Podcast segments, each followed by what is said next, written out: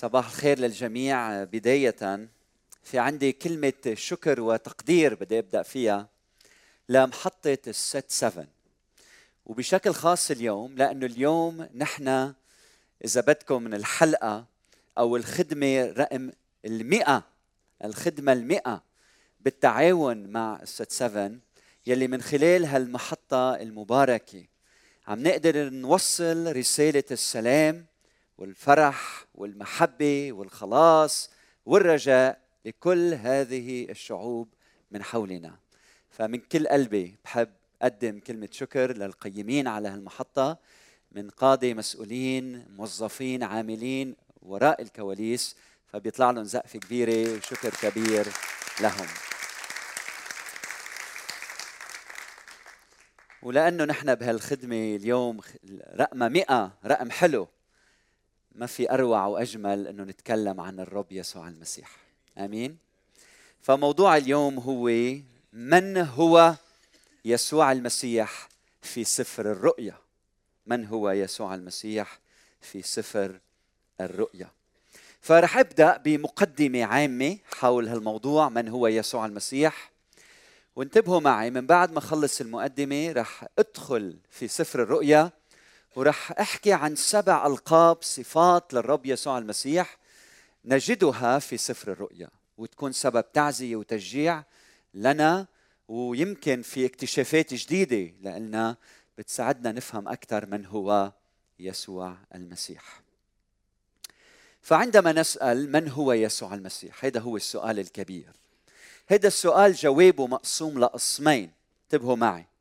القسم الأول هو لما نسأل من هو يسوع المسيح نسأل من هو يسوع المسيح في طبيعته في شخصه في كيانه في طبيعته. من هو يسوع المسيح؟ هل هو إنسان عادي؟ هل هو أكثر؟ وهيدا السؤال كمان جوابه القسم الثاني من الجواب هو طيب شو مهام رسالة دعوة يسوع المسيح؟ شو مسؤولية وظيفة يسوع المسيح؟ فبنحكي عن شخصيته وبنحكي عن مهامه واضح؟ فمثلا لما نحكي عن طبيعة يسوع ومهامه في عنا مثلا ثلاث احتمالات لطبيعة يسوع المسيح. الاحتمال الأول هو أنه نقول يسوع المسيح هو إنسان عادي مخلوق مثل آدم. وإنسان بشري. طيب شو مهام هالإنسان يسوع المسيح؟ فيك تقول مثلا كان معلم متجول يجول من مكان إلى آخر وبينادي بأخلاق الملكوت. أو يمكن تقول إنه يسوع كان نبي مرسل من الله حامل رسالة نبوية. أو ممكن تقول إنه كان هو المسيح يعني الملك الممسوح على آه، شعبه. فكل هيدي احتمالات ضمن هال الحقيقة الوحدة لما بتقول يسوع هو إنسان بشري بطبيعته البشرية هو مثل آدم. الاحتمال الثاني إنك تقول لا يسوع أنت وعم تقرأ بالكتاب المقدس يسوع هو أكثر من إنسان. إذا هو أكثر من إنسان في طبيعته طيب بركي هو ملاك تجسد وأتى لكي يزور البشر ويودي ويوصل رسالة للخليقة فهو كائن روحاني ملائكي تجسد بيننا. واضح؟ فبعدين بتفكر طيب شو مهامه من هو شو وظيفته شو مركزه؟ بتقول ربما هو ميخائيل أو هو رئيس الملائكة أو جبرائيل. أرسل من الله وتجسد بيناتنا حتى يوصل رسالة لهذه الشعوب. هيدا الاحتمال الثاني. الاحتمال الثالث تقول من خلال درسك للكلمة المقدسة إنه يسوع المسيح أكثر من إنسان. نعم تجسد كبشر حمل طبيعتنا لكن هو أكثر من إنسان هو أكثر من نبي لأنه مكتوب له يشهد جميع الأنبياء أن كل من يؤمن به ينال باسمه غفران الخطايا ومن يغفر الخطايا غير الله وحده؟ فمنو هيدا يسوع المسيح؟ هو أعظم من الأنبياء. بعدين بتقول الظاهر من خلال الكلمة المقدسة يسوع أعظم من الملائكة لأنه مكتوب لمن من الملائكة؟ قال قط أنت ابني أنا اليوم ولدتك. وبعدين بتابع وبقول ومتى دخل البكر إلى العالم؟ يقول لتسجد له كل ملائكة الله. يعني هو مش ملاك هو أعظم من رئيس الملائكة هو أعظم من كل الملائكة. اذا تكتشف إنه يسوع المسيح يلي عايش بيناتنا هو اللي حامل طبيعة الله وتجسد بيناتنا وتدعو اسمه عمانوئيل الذي تفسيره الله معنا وكل شيء مستطاع لدى الله. إذا حب يزور البشرية يستطيع أن يفعل ذلك ويتجسد بيننا. لكن يسوع المسيح أعظم من نبي أعظم من ملاك هو الله الذي ظهر في الجسد حامل طبيعة الإله.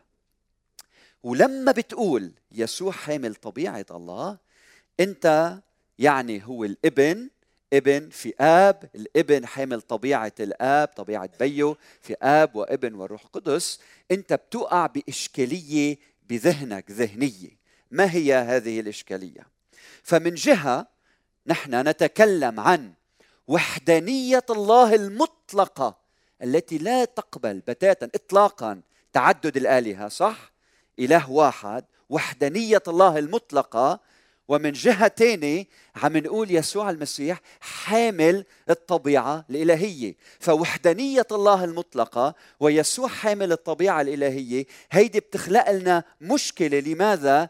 لأنه هاتين الحقيقتين هما متناقضتان ومتفارقتان ومخالفتان لمنطق العقل. لمنطق العقل. لأنه يا واحد أو ثلاثة ولكن بالمنطق مستحيل. واحد وثلاثة في آن واحد في آن واحد. فإذا بتبقى إنسان أين أنت اليوم بتقول لكن إما عنا تعدد آلهة وهذا الأمر يرفضه الكتاب المقدس معي أنتو أو بتقول نحن عنا إله واحد وحيد متوحد في وحدة وهيدا أيضا يرفضه الكتاب المقدس. فإجا الرب يسوع المسيح يكشف لنا ويعلن لنا من خلال الكلمة المقدسة أن الله هو واحد أحد ووحدته جامعة. وحدته جامعة يعني هو واحد في علاقة في ذاته في أزليته لأن الله محبة. ولأنه محبة هو يحب الآخر في ذاته في كيانه. ولأن الله وقبل لأن الله خليني أوضح هيدي الصورة. فالواحد فإن كان الواحد يلي هو البسيط والذي لا يتجزأ والكثير الذي يتجزأ وغير بسيط لا يتلاقيان لا يتلاقيان في الفلسفة اليونانية وفي منطق المنطق البشري الله يجمعهما ويتجاوزهما في شخصه لأنه يتسامى كل التسامي ويتعالى بوجهه بوجه كامل فوق الإنسان على الإنسان وهو يستطيع أن يتجاوزنا تجاوز كامل ونهائي. فعند الله الموجود عند الله منه موجود عند البشر. من هيك نحن نحتاج نحتاج إلى الفكر إلى العقل. نحتاج أن نتعلم بفكرنا وباختباراتنا وبوجداننا وبكياننا وبأعماقنا. بدنا المعرفة الاختباراتية والعملية والذهنية والفكرية والوجدانية والتصوفية وكل هذه المعرفة. وكل شيء بنعرفه عن الله هو القليل ويلي بنعرفه هو يلي اعلن عن ذاته لنا. ويلي أعلنوا عن ذاته لنا ويلي بنفهمه هو نقطة في محيط محيطه الكبير له كل المجد إلى الأبد. فإياك إياك إياك تعمل الله مثلك بس اذكى شوي. إياك تفكر ربنا مثلك بس أقوى شوي. إياك تحط ربنا بعلبة معينة. إياك تفكر إنه بالمنطق بتقدر تفهم الله بالكامل. لما بتفهم الله بالكامل بتصير أنت الله. وهيدا الشيء مستحيل لأنه نحن مخلوقين نحن خلائق الله. لما النملة تصير تفهمك أنت أيها الإنسان شو بتصير؟ بتصير إنسان مثلك وهيدا أمر مستحيل. من هيك نحن بنحتاج لما نتقدم من الكلمة حتى ندرس هيدا الموضوع العميق. من هو يسوع المسيح؟ بدنا نجي بتواضع. بدنا نجي بانكسار بدنا نجي ونحط الكلمة على راسنا. بدنا نجي ونقول له يا رب كلمني أنا جاهل. فتح كلامك ينير. يعقل الجهال. كل ما أتقدم من هالكلمة يا رب أنا جاهل بحتاج لحكمة منك لمعرفة منك لحتى اكتشف غنى والكنوز الموجودة في الكلمة المقدسة. وبعتقد من بعد هيدي المقدمة صار فينا نجي إلى سفر الرؤيا وندرس من هو يسوع المسيح في هذا السفر.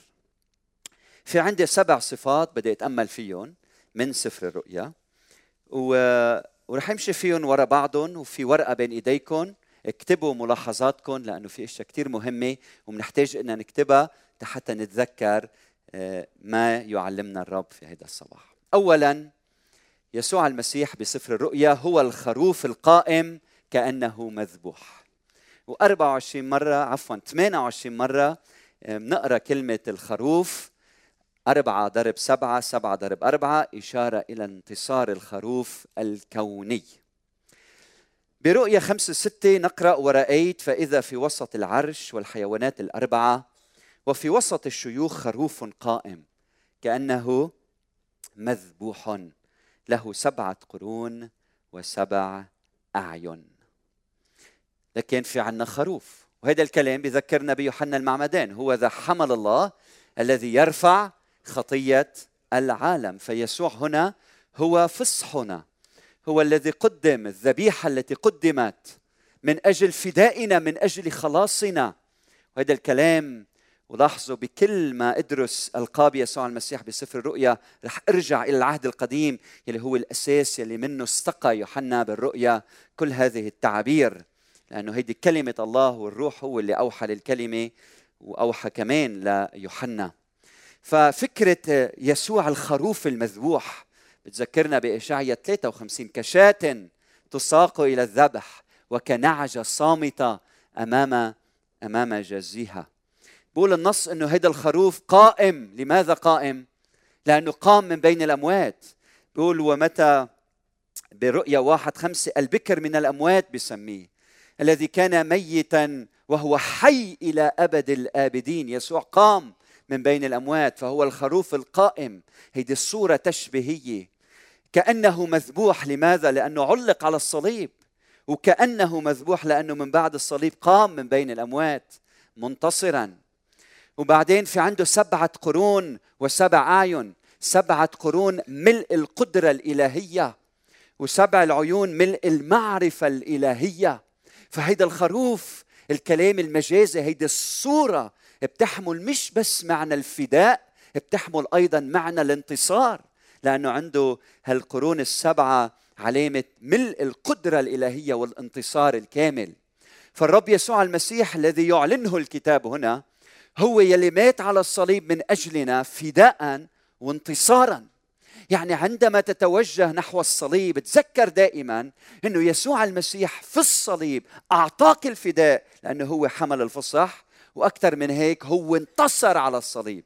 معناتها أنت في الصليب بتنال الفداء وغفران الخطايا وأكثر من هيك بتنال قوة وانتصار فيها تنتصر على الخطية. فالصليب دائما في فداء وانتصار لأن كلمة الصليب عند الهالكين جهالة أما عندنا نحن فهي قوة الله قوة الله. فإذا أنت بدك قوة في الإنسان الباطل دعا إلى الصليب. إذا أنت بدك تنتصر على ذاتك تحتاج إلى الفداء والنصرة تجدهما في الصليب. أعطي حياتك ليسوع المسيح. أعطي حياتك لمن مات من أجلك بيعطيك قوة القيامة بحياتك. فبتعيش حياة منتصرة ومستديمة مستمرة. بكلام تاني يسوع يلي مات قام وهو بيعزينا وبيشجعنا بهذه الكلمات. لأنه الذي يعدنا بحياة أبدية يجب أن يكون حيا ليعطينا الحياة الأبدية صح؟ إذا يسوع المسيح وعدنا وقال أنا القيامة والحياة من آمن بي وإن مات فسيحيا وهو وما هو مات وما قام كيف بده يعطينا حياة أبدية صح؟ معي أنتو؟ فيسوع بيعطينا الحياة الأبدية إذا هو رب الحياة إذا هو صاحب الحياة إذا هو قام منتصرا بين الأموات هو بيقدر يعطينا الحياة الأبدية. من هيك نحن إلنا رجاء وإلنا حياة والحياة الأبدية معه ما في أجملها أجمل منها. وأنا لما بموت هيدا الموت هو جسر عبور نحوه من إلى من حياة معه إلى حياة في ملء حضرته معه وإلى أبد الأبدين. لأنه يسوع هو الخروف كأنه مذبوح قام من بين الأموات وانتصر. وفكر فيها كأنك أنت عم تعمل ابجريدنج من هالحياة لحياة أفضل من economy ل business class طاير بالطيارة. نفس الشيء الحياة معه هنا. بعدين الموت هو جسر هو نوم هو تحول من إلى حياة معه إلى الأبد. لكن اولا يسوع هو الخروف القائم كأنه مذبوح. انتبهوا للنقطة الثانية. ثانيا بقول عنه الكتاب هو الآمين هو الآمين. مكتوب بالفصل الثالث والعدد 14 مكتوب هذا يقوله الآمين مش الأمين الآمين. غريبة يا يوحنا ليش حطيت الآمين؟ هلأ بنعرف. الشاهد الأمين الصادق وبرؤية واحد خمسة ومن يسوع المسيح الشاهد الأمين. يسوع هو الشاهد الأمين. الله لم يره أحد قط. الابن الوحيد الذي هو في حضن الآب هو خبر هو كشفه هو أعلنه هو آه، أخبر عنه كشفه للعالم. بعدين برؤية ثلاثة سبعة هذا يقوله القدوس الحق يعني الصادق الأمين الصادق. وفي 19 11 يدعى أمينا وصادقا. فيسوع هنا هو الآمين. شو يعني الآمين؟ بيشرحها يعني الأمين الصادق. الأمين الصادق. هيدي تفسير لهيدي اللقب هيدا المصطلح الآمين. وهلأ سؤالنا من وين يا يوحنا جبت هيدا اللقب ليسوع المسيح أن يسوع هو الآمين؟ لأنه كل مرة بالعهد القديم ما عدا بمكان واحد بنشوف كلمة الآمين هي تجاوب لصلاة المؤمن. لنبوات الله لكلام الله للصلاة اللي بيصليها بالنهاية شو بنقول آمين يعني أوافق. نعم يا رب أصدق كلامك. أنت أمين تستطيع أن تستجيب لي. لكن بمكان واحد في العهد القديم كلمة الآمين هي لقب. هي لقب وهلأ راح أشرحها. موجودة بإشعيا 65 لكن بدي أبدأ بإشعيا 62 وامشوا معي حتى أوصل على إشعيا 65 والآيات رح تطلع قدامنا. للإفادة بإشعيا 62 لاحظوا شو مكتوب بالعدد الأول والثاني. بيقول من أجل صهيون لا أسكت ومن أجل أورشليم لا أهدأ حتى يخرج برها كضياء وخلاصها كمصباح يتقد. فترى الأمم برك وكل للملوك مجدك وتسمين باسم جديد يعينه فم الرب. ففي إعلان كشف إنه يا شعبي رح أعطيكم اسم جديد ما حدا بيعرفه هو بس بعينه. هلأ إذا بتروحوا على رؤيا اثنين والآية 17 مكتوب مثل ما درسنا الأسبوع الماضي من يغلب فساعطيه حصاد بيضاء وعلى الحصاد قولوا معي اسم جديد مكتوب لا يعرفه أحد غير الذي يأخذ. فيوحنا بالرؤيا عم يرجع يقرأ إشعيا. هو مع ماشي بإشعيا. هلا إشعيا 62 هلا بنوصل لإشعيا 65 الموضوع مثل ما بتعرفوا هو الخلاص والدينونة.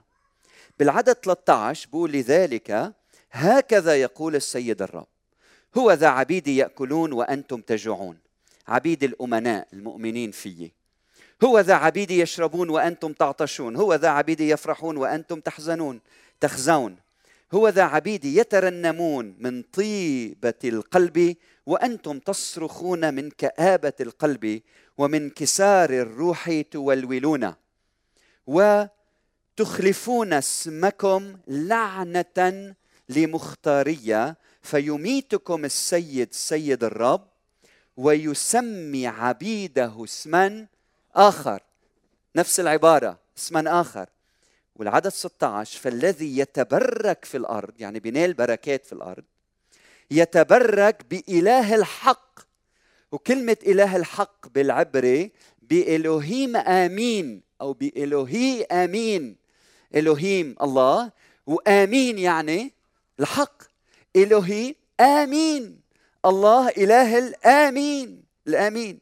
والذي يحلف في الأرض يحلف بإله الحق لأن الضيقات الأولى قد نسيت لأنها استترت عن عيني والعدد 17 بذكرنا بسفر الرؤيا أيضا لأني ها أنا ذا خالق سماوات جديدة وأرضا جديدة فلا تذكر الأولى ولا تخطر على بال. فمين يلي بيعطي البركة؟ ومين يلي بيعطي النعم؟ ومين يلي بيعطي الشبع؟ ومين يلي بيعطي السلام والفرح؟ عم بيقول بإشعيا إله الأمين يلي هو يهوى الرب. وهلأ بسفر الرؤيا عم يجي يوحنا بالرؤيا وعم يعلن لنا إنه إله الأمين هيداك الله هو نفسه يسوع المسيح له كل المجد إلى أبد الأبدين. هذا هو إله الأمين يسوع المسيح. شو هالكشف الجديد يلي عم بيقدم لنا إياه سفر الرؤيا؟ فصلاتك مسموعة لأنه في إله اسمه إله الأمين. صلاتك مسموعة لأنه أنت في يسوع المسيح. ادخل في يسوع تسمع صلاتك. ادخل في يسوع تنال البركة الإلهية. أحيانا الله بيستجيب لصلاتك بطريقته هو مش بطريقتك أنت لكن دائما يسمع ويستجيب بطريقته انه إله الحق والعدل والأمان والأمانة إلى الأبد. ثالثا يسوع المسيح هو أصل وذرية داوود. هو أصل وذرية داوود. رؤية 22 6 16 الجزء الثاني من الآية تقول أنا أصل وذرية داود وكوكب الصبح المنير. رح أبدأ بالجزء الأول بعدين الجزء الثاني. أنا أصل وذرية داود شو بتعني هالعبارة؟ أولا بتعني أنه يسوع من أصل من ذرية داود الملك. لأنه بيسميه بمكان ثاني هو المسيح. فهو المسيح الملك الممسوح يلي جاي بالنبوات من ذرية داود. والشاهد بالعهد القديم هو في سفر إشعياء الفصل 11 العدد الأول وعشرة والعدد العاشر. بقول ويخرج قضيب من جذع يسا يسا هو بيو لداود الملك. وينبت غصن من أصوله والعدد العاشر ويكون في ذلك اليوم أن أصل يس القائم راية للشعوب إياه تطلب الأمم ويكون محله مجدا محله مجدا.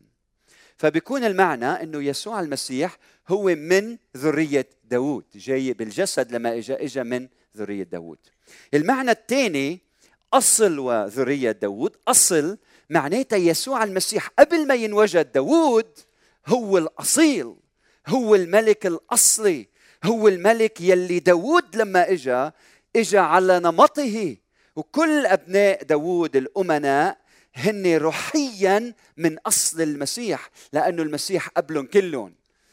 وبذكرنا هذا الكلام بكلام بولس لما قال ولهم الآباء ومنهم المسيح في الجسد الذي هو القائم على الكل إلها مباركا إلى أبد الآبدين. فيسوع بالجسد هو ابن داوود لكن هو الإله القائم على الكل مباركا وممجدا إلى الأبد.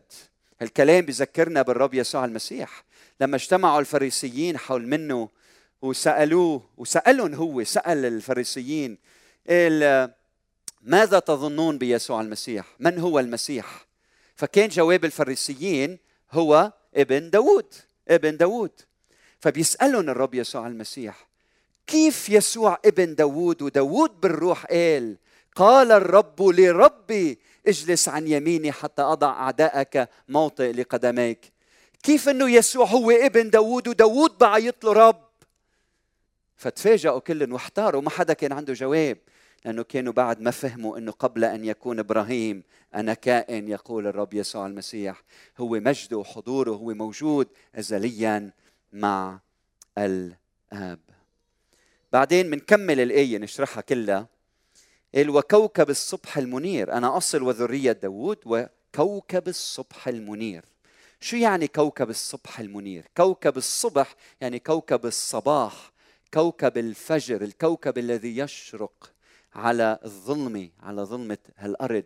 كوكب الجديد في عالم الجديد يسوع هو الكوكب كوكب الفجر الجديد اليوم الجديد النظام الجديد العالم الجديد الذي يحضره الله بيننا.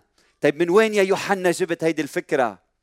نعود إلى العهد القديم. وإذا تأملنا بسفر إشعياء والفصل 60 نقرأ قومي استنيري لأنه قد جاء نورك ومجد الرب قد أشرق عليك. عم يحكي مع شعبه قومي استنيري لأنه قد جاء شو؟ مين إجا مين إجا مين طل. نورك ومجد الرب قد أشرق عليك. مثل ما بتشرق الشمس هيك أشرق مجد الرب عليك. لأن هذه الظلمة تغطي الأرض والظلام الدامس الأمم وأما عليك فيشرق الرب. وأما عليك معي أنتو يشرق الرب. فكر بشروق الشمس قال يشرق الرب. وهلأ يوحنا عم بيقول يشرق يهوى. وهلأ يوحنا عم بيقول بالوحي المقدس يسوع المسيح هذا هو الكوكب المشرق المنير الذي يشرق في العالم الجديد له كل المجد إلى أبد الآبدين. فيسوع المسيح به كانت الحياة والحياة كانت نور الناس. والنور يضيء في الظلمة والظلمة لا تدركه. يسوع هو كوكب الصبح المنير. فكل الصفات يلي بنشوفها عن الله في العهد القديم يوحنا بالرؤية الرؤية الإلهية بيكشفها لنا وبيجمعها بشخص الرب يسوع المسيح. رابعا هو ابن الإنسان. هو ابن الإنسان. برؤية واحد 13 بيقول وفي وسط السبع المناير شبه ابن إنسان. طيب من وين جاب يوحنا عبارة شبه ابن إنسان؟ تعرفوا كلكم؟ من دانيال الفصل السابع الأعداد 13 و 14 كنت أرى في الرؤى الليل وإذا مع سحب السماء مثل ابن إنسان. أتى وجاء إلى القديم الأيام. من هو قديم الأيام هنا؟ هو الله الآب وأتى ابن الإنسان بالنبوة آه، من خلال العهد الجديد اكتشفنا وعرفنا إنه هذا هو الرب يسوع المسيح. فقربوه قدامه فأعطي ابن الإنسان سلطانا ومجدا وملكوتا لتتعبد له كل الشعوب والأمم والألسنة. سلطانه سلطان أبدي ما لن يزول وملكوته ما لم ما لا ينقرض. لكن يسوع المسيح هنا هو الملك يلي الكل بده يجي ويسجد له ويتعبد له ويقدم له الوقار والاحترام والعبادة. لأنه هو رئيس ملوك الأرض بسميه بواحد خمسة رؤية واحد خمسة. لأنه برؤية 19 16 في كلام خطير جدا عن الرب يسوع المسيح. بيقول وله على ثوبه وعلى فخذه اسم مكتوب ملك الملوك ورب الأرباب. وهيدا المصطلح هو مصطلح لله الشعب اليهودي بيعرف إنه ما في إلا الله يهوى هو ملك الملوك ورب الأرباب. بواحد تيموتاوس 6 15 بقول الذي سيبينه في أوقاته المبارك العزيز وحده الوحيد ملك الملوك ورب الأرباب. بتثنية 10 17 لأن الرب إلهك هو إله الآلهة ورب الأرباب. ما في حدا غيره. وهلأ عم ينسب هذه العبارة للرب يسوع المسيح. بتابع بالعدد 13 والفصل الأول من الرؤيا بقول متسربل بثوب إلى الرجلين وهيدي علامة ومتمنطق عند ثدييه بمنطقة من ذهب. هيدا وصف للباس الرب يسوع المسيح كونه رئيس كهنتنا أيضا. وبعدين بالعدد 14 بنعرف شيء عن يسوع جديد كمان هلأ. بقول وأما رأسه وشعره فأبيضان كالصوف الأبيض كالثلج وعيناه كلهيب نار. من وين يا يوحنا؟ جبت هيدا الوصف. بيقلنا يوحنا ارجعوا كمان إلى دانيال سبعة. تكتشفون. وإذا رجعنا إلى دانيال سبعة والعدد تسعة انتبهوا لهذه الكلمات. إذ كنت أرى أنه وضعت عروش وجلس القديم الأيام. الكلام عن الله الآب يهوى. لباسه أبيض كالثلج. انتبهوا معي وشعر رأسه كالصوف النقي وعرشه لهيب نار. نفس التعابير يلي انقالت عن الله إجا واستخدمها عن الرب يسوع المسيح. ليقلنا يسوع هذا عنده نفس الطبيعة نفس الجوهر مع الآب. هو نفس الشيء بفاجئنا بهذه التعابير. يعني هو الديان هو الذي يبارك هو الذي يخلص هو الإله الطاهر هو الإله النقي هو الإله الحي إلى أبد الآبدين. فإذا بتحتاج للطهارة تعال إلى يسوع المسيح. إذا بتحتاج لنقاوة الفكر تعال إلى يسوع المسيح. إذا بتحتاج إنه حدا يغسل قلبك ويطهر ضميرك تعال إلى يسوع المسيح. لما تعرف حالك إنك إنسان خاطئ وأسود وأفكارك وشرور فكرك يلي بيسبب لك الخطية وبيسبب للآخرين الخطية تعال إلى يسوع المسيح ادخل فيه هو الناصح هو الأبيض يلي بيبيض حياتك وبيعطيك هاللباس الأبيض النقي هو وحده هو وحده. خامسا يسوع المسيح هو ابن الله. هو ابن الله. رؤية 2 18 يسميه هذا يقوله ابن الله الذي له عينان كلهيب نار ورجلاه مثل النحاس النقي النقي. وشرحنا هالنص الأسبوع الماضي وقلنا إنه هيدا الكلام دانيال عم يخدنا آه، يوحنا عم يخدنا إلى سفر دانيال وعم بيذكرنا بشدرخ وميشخ وعبدنغو يلي الملك طرحهم في أتون من نحاس ملتهب بالنار. ومن بعد ما طرحهم ليموتوا ويخلص منهم بيقرب الملك وبيطلع بيشوف أربعة بوسط الأتون. بقول يا عمي طرحنا ثلاثة من هو هيدا الرابع الذي هو يشبه شبيه بابن الآلهة. فهون عم بيذكرنا أنه في وسط أتون التجارب في وسط أتون الاضطهاد يقف يسوع الذي يعطيك الانتصار لأنه هو ابن الله هو ابن الله. لكن ما بدي أعلق وركز على هالعبارة. بدي بهذا السياق أحكي عن عبارة هذا يقوله ابن الله. لأنه هيدي الكلمة هالعبارة تقنية لازم تعرفوا معناتها. هذا يقوله وردت هنا سبع مرات. هذه العبارة موجودة في العهد القديم وفي كتب الأنبياء مئات المرات.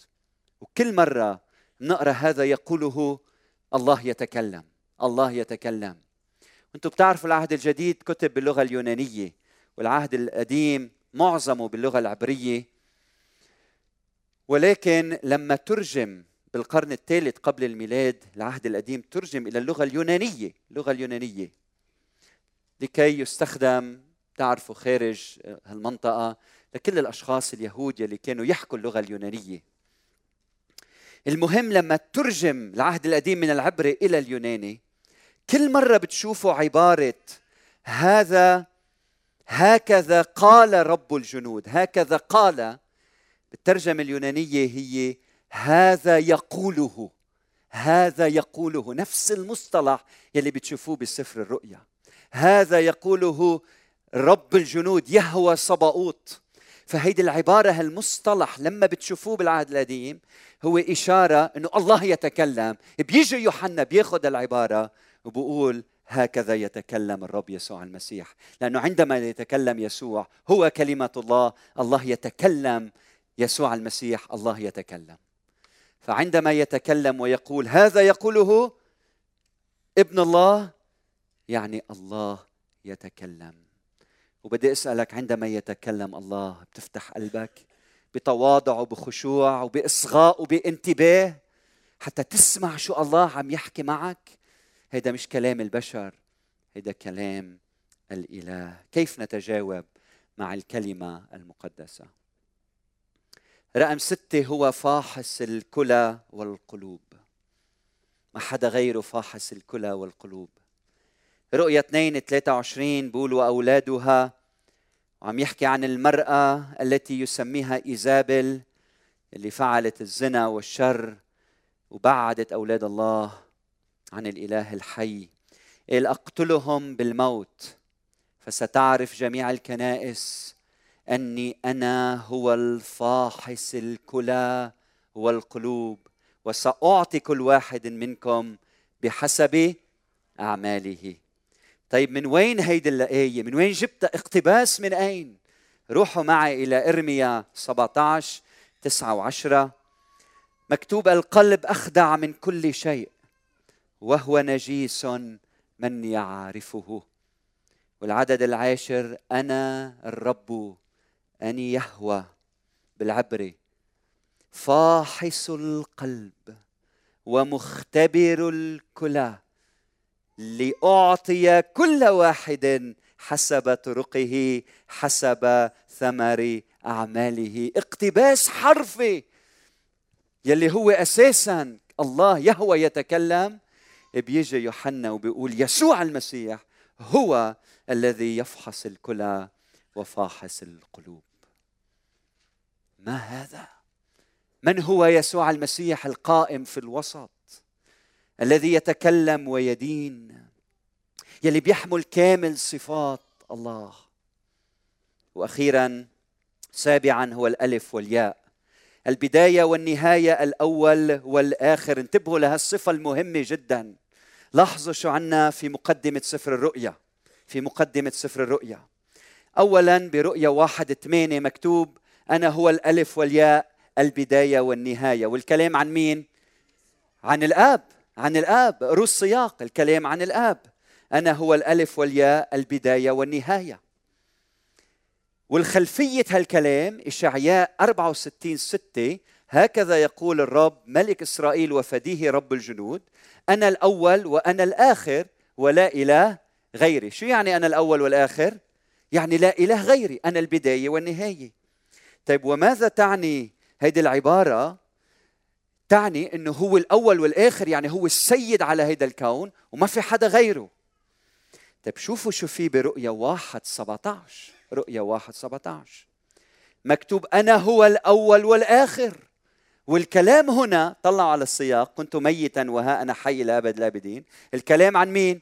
عن يسوع المسيح. فبالمقدمة عم بقول أنا الأول والآخر عن الآب وعم بقول أنا الأول والآخر عن الابن البداية والنهاية الألف والياء. يعني يسوع المسيح هون عنده السيادة على التاريخ ونفس الصفات. صفات الله المتعالية أعطيت ليسوع المسيح. ومن هنا عبارة هذا يقوله الأمين. بداءة خليقة الله هيدي الكلمة البداية نفس الكلمة أنا هو البداية والنهاية. يعني هو الأول على خليقة الله هو منشئ خليقة الله هو الأعلى فوق هو موجود قبل الخليقة. طيب ماذا يوجد في نهاية سفر الرؤيا؟ بنهاية السفر هلأ.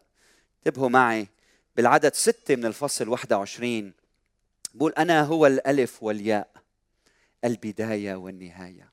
من الألف والياء البداية والنهاية هو الآب. هو الآب هنا رؤوس سياق بيحكي عن الآب. طيب رؤية 22 13 بقول أنا الألف والياء البداية والنهاية الأول والآخر والكلام هنا عن الرب يسوع المسيح له كل المجد.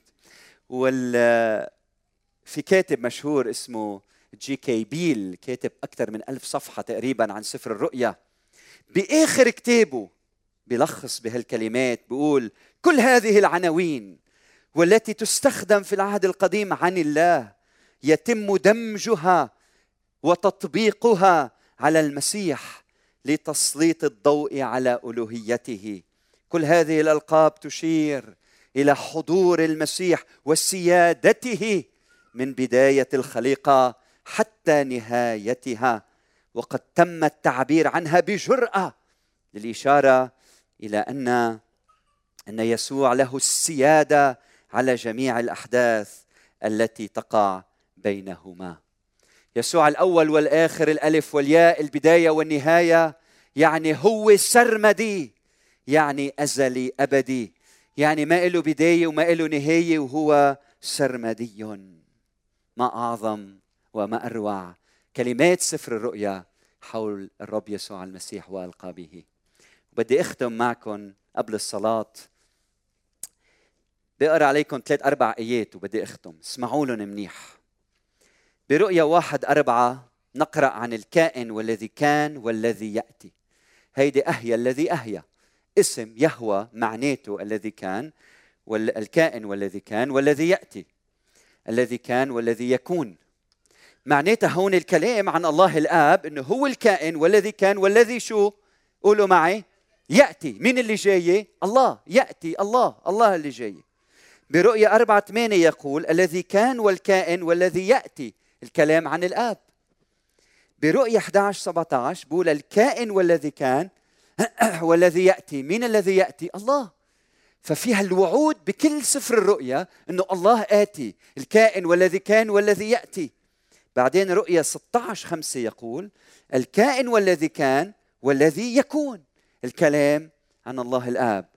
وبيختم سفر الرؤيا كلامه بالفصل 22 والعدد 20 وبقول أمين. تعالى أيها الرب يسوع المسيح. هاليلويا ما أعظم إلهنا ومخلصنا يسوع المسيح.